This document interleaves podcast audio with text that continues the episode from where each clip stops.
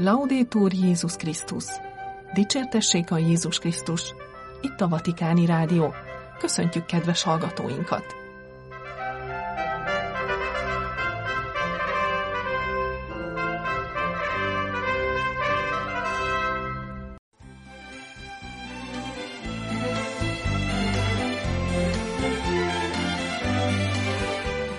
A mikrofonnál a szerkesztő Somonyi Viktória. Szerdai adásunk tartalmából.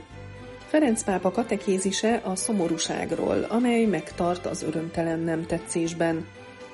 A pápa levele Izraelben élő zsidó testvéreimnek címezve. Tegyünk együtt a békért a Szentföldön. Bíborosi tanácskozás a pápával és három női résztvevővel a nők egyházi szerepéről. Jó bíboros, olyan papokat képzünk, akik fényt visznek a szekularizált világba.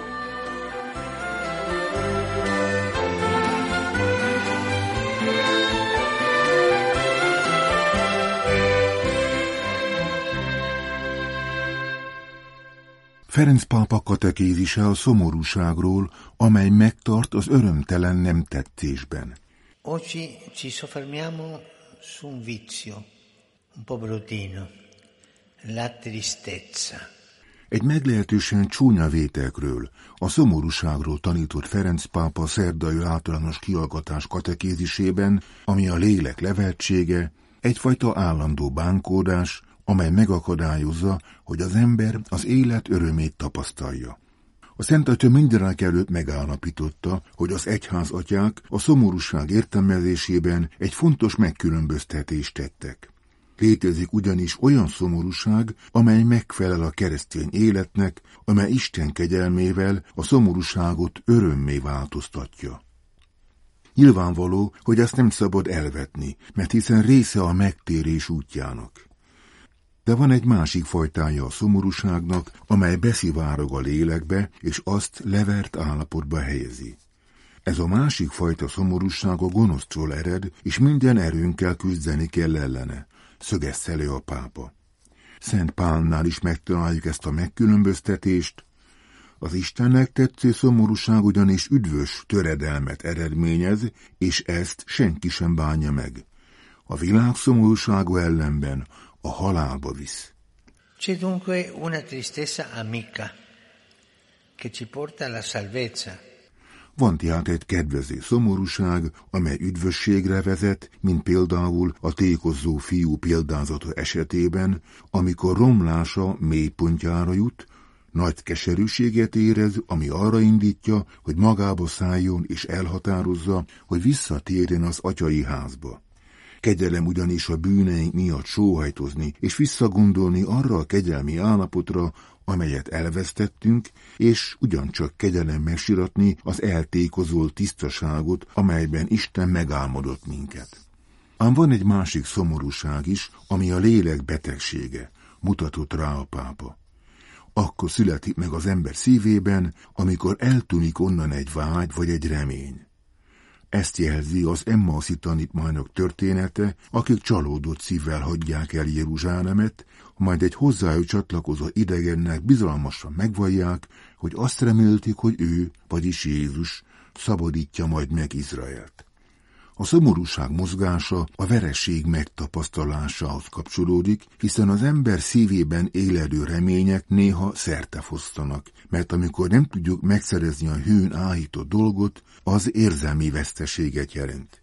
Ilyenkor, mintha az ember szíve szakadékba zuhanna, és elfogja a csüggedés, a gyenge lelkűség, a depresszió és a szorongás. Minnyájon keresztül haladunk olyan próbatételeken, amelyek szomorúvá tesznek, mert az élet álmokat fogan bennünk, amelyek aztán darabokra törnek. Ebben a helyzetben egyesek a zavartság után a reménységre hagyatkoznak, míg mások melankóliába menekülnek és hagyják, hogy szívük megromoljon. Örömet éreznek ebben? kérdezte a pápa. La tristezza è come il piacere del non piacere.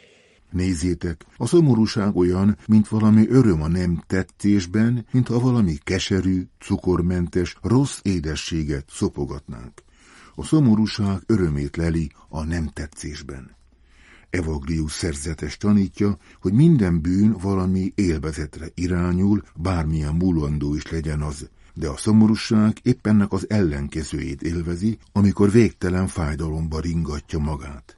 Elhúzódó gyász esetén, amikor az ember kitágítja az elveszett személy hiányát, az nem a lélekben való élet sajátja. Bizonyos dühös keserűségek eredményezik, hogy az ember az áldozat szerepébe öltözik, ám ez nem terem bennük egészséges, még kevésbé keresztényi életet. Mindenki hordoz a múltjában valamit, aminek meg kell gyógyulnia. A szomorúság természetes érzése gonosz lelki állapottá alakulhat át. Ez egy alattomos démon, a szomorúság ördöge, amit a pusztai atyák a szív férgének neveztek, amely lepusztítja és kiüresíti azokat, akik befogadták. Hogy mit is tegyünk akkor, amikor szomorúak vagyunk? kérdezte a pápa. Meg kell állni, és meg kell nézni, hogy vajon ez a szomorúság jó-e, vagy rossz. És aztán cselekedjünk a szomorúság természetének megfelelően. Ne felejtsük, hogy a szomorúság nagyon rossz dolog is lehet, ami pessimizmushoz, nehezen gyógyítható önzéshez is vezethet. Dobbiamo stare attenti a questa tristezza e pensare che Gesù ci porta la gioia della resurrezione. Ügyeljünk tehát a szomorúságra, és gondoljunk arra, hogy Jézus elhúzza nekünk a feltámadás örömét. Így akár az életünk tele is lehet ellentmondásokkal, sikertelen vágyakkal, beteljesületlen álmokkal, elveszett barátságokkal, ám de Jézus feltámadása révén hihetjük, hogy végül minden üdvözül. Jézus nem csak önmagáért támad fel, hanem értünk is, hogy megváltsa az összes boldogságot, amely beteljesületlenül marad életünkben. A hit elűzi a félelmet, és Krisztus feltámadása eltávolítja a szomorúságot, mint a követ a sírtól. A keresztény ember mindennapja a feltámadás gyakorlata. George Bernanus egy falusi plébánus naplója című híres regényében ezt mondja. Az egyháznak megvan az öröme. Minden olyan öröme, ami ennek a szomorú világnak van fenntartva. Amit ellenetettetek, azt az öröm ellen tettétek. Egy másik francia író, Leon Blois pedig ezt a csodálatos mondatot hagyta ránk, csak egy szomorúság van, az, hogy nem vagyunk szentek. A feltámadt Jézus lelke segítsen bennünket életszentséggel legyőzni a szomorúságot, zárta szerdai katekézisét Ferenc pápa. A katekézis után csoportokat köszöntve így szólt a Szent Atya. Accolgo con affetto i seminaristi dei padri di Schönstadt, Szeretettel köszöntöm a Sönstati atyák szeminaristáit, a Bencés Fákja delegációját, valamint a Spe Salvi és Insuperabile egyesületeket. Mindenkinek azt kívánom, hogy az új segítségével fejlődjék és működjön, tanúságot téve a testvériségről és a szolidaritásról és ne feledkezzünk meg a háborúkról, ne feledkezzünk meg a meggyötött Ukrajnáról, Palesztináról, Izraelről és a rohingyákról sem, arról a számos háborúról, ami mindenütt folyik. Imádkozzunk a békéért. A háború mindig vereség, mindig, tette hozzá a pápa. Imádkozzunk a békéért, békére van szükségünk. Végül a pápa köszöntötte a fiatalok, a betegek, az idősek és az ifjú házasok csoportját. A Lurdi szüzanyát ünnepeljük jövő vasárnap, aki anyai gyengétsége kísérjen benneteket az útjaitakon. Benedica vos, omnipotens Deus, Pater, Filius, et Spiritus Sanctus. Amen. Ferenc pápa levele Izraelben élő zsidó testvéreimnek címezve, tegyünk együtt a békéért a Szentföldön. Szívem közel áll hozzád, a Szentföldhöz, minden ott lakó néphez, izraeliekhez és palesztinokhoz, és imádkozom, hogy a béke utáni vágy érvényesüljön mindenkiben. Szeretném, ha tudnátok, hogy közel vagytok a szívemhez és az egyház szívéhez. Ferenc pápa ezeket a szavakat küldte izraeli zsidó testvéreimnek címezve a Kármá ben küldött levelében.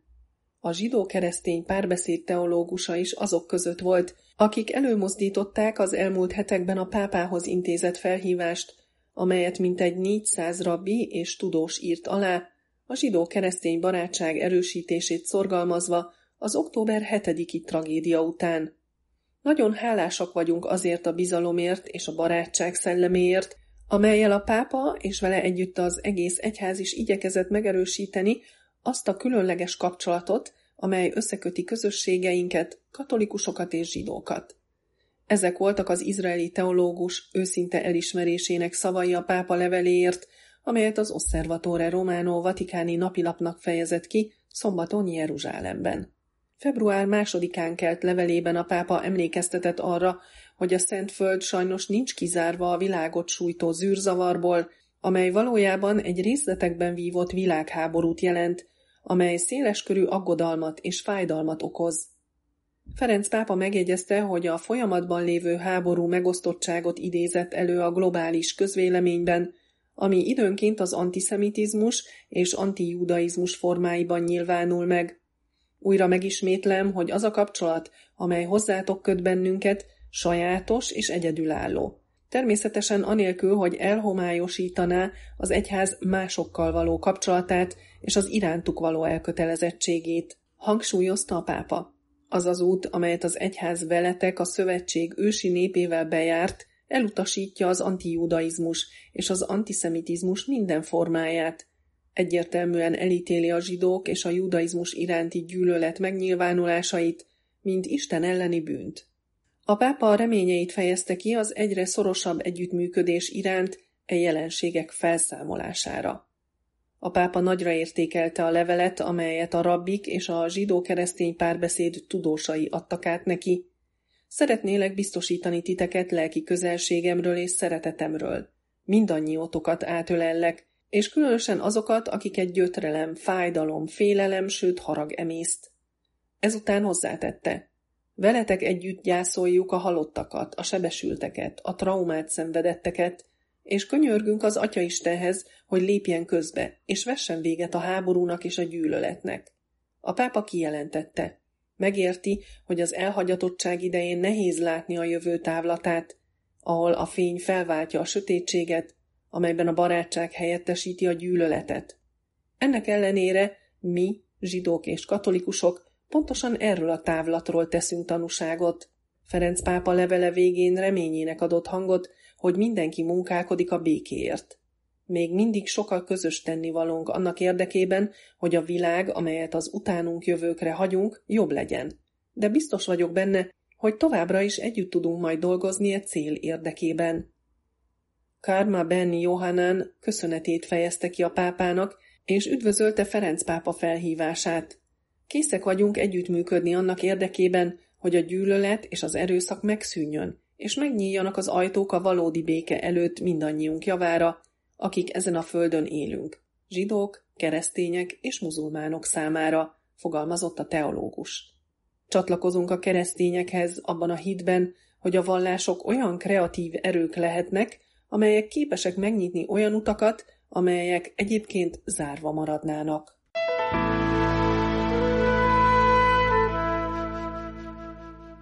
Bíborosi tanácskozása pápával és három női résztvevővel a nők egyházi szerepéről.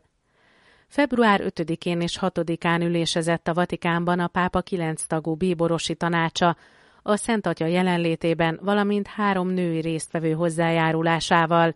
Linda Poser nővér, egyetemi oktató, Julie Vedi Bernardino lelki gyakorlatvezető és Joe Bailey Wells anglikán püspök személyében. Amint arról a Szentszéki sajtóközlemény tájékoztat, folytatódott a december elején megkezdett téma, a nők egyházi szerepének megvizsgálása a pápa és a kilenc tagú bíborosi tanácsülésén. A kétnapos tanácskozáson jelen volt Linda Posser, aki decemberben is részt vett az ülésen, az Auxilium pápai neveléstudományi fakultás krisztológia és mariológia tanára. Giulia Vadi Bernardino, a Veronai Egyházmegye szüzekrendje Istennek szentelt tagja, aki lelkiségi kurzusokat, valamint lelki gyakorlatokat vezet, és végül Joe Bailey Wells, az angliai anglikán egyház püspöke, az anglikán közösség főtitkár helyettese. A tanács hétfő délutáni és keddi megbeszélésein más témákat is érintettek.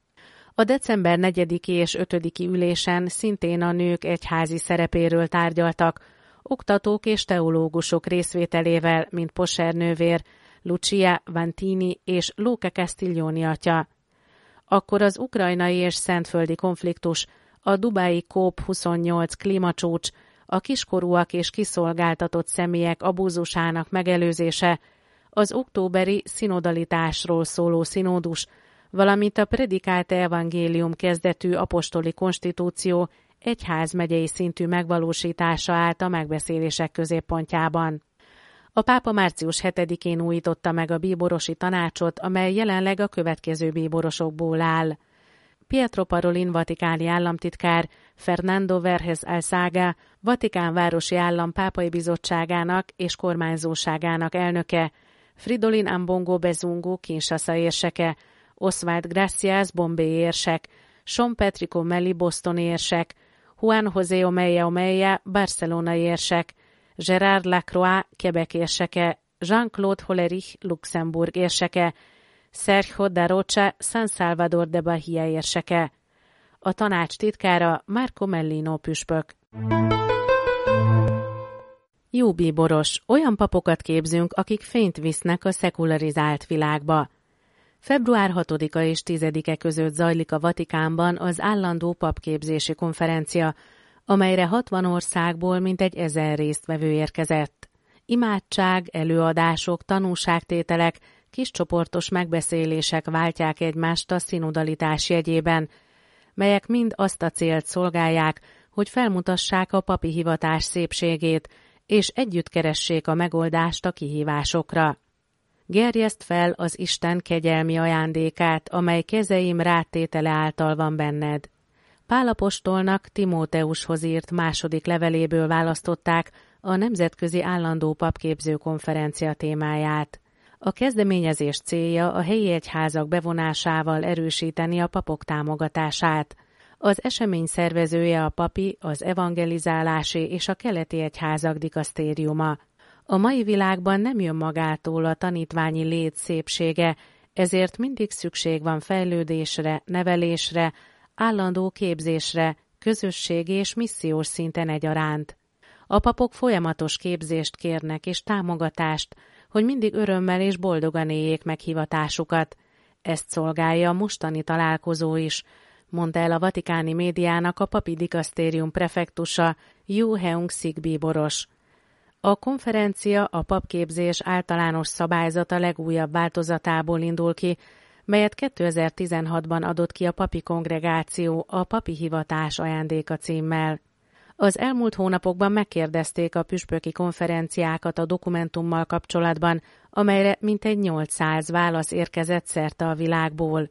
Ezek megmutatják a papi hivatás szépségeit, a jó gyakorlatokat, tanúságtételeket, de azt is, ami hiányzik. Jobb képzésre van szükség, és ezen dolgoznak a vatikáni dikasztériumok, tanácsadók és szakértők bevonásával.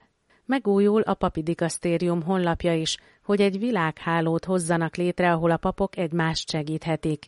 A fő kihívás, amire a papok panaszkodnak, a magány a mai szekularizált világban, mondta el Jóbi Boros. Idősek és fiatalok egyaránt tapasztalják ezt, ezért olyan családias légkört, otthonos közeget kell építeni, ahol a papok egymást tudják támogatni, ez pedig kifelé is egy tanúságtétel lesz. Ezt jelenti számunkra a szinodális egyház. Együtt haladni, együtt dolgozni, együtt szolgálni. Ferenc pápa csütörtökön reggel fogadja a találkozó résztvevőit, akiknek nagy része pap, de világiak, nők is jelen vannak köztük, akik segítik a papok állandó képzését és elkísérését. Mindent megteszünk azért, hogy a papok sok örömet vigyenek a világba, az egyház egyre boldogabb legyen, bátrabb és konkrét tanúságtétellel haladjon előre. Imádkozzunk a papokért, és biztassuk őket, mondta még a papi dikasztérium prefektusa. Itt a Vatikáni Rádió, kedves hallgatóink, szerdai műsorunk véget ért. Búcsúzik a szerkesztő Somogyi Viktória. Dicsértessék a Jézus Krisztus, Laudétur Jézus Krisztus.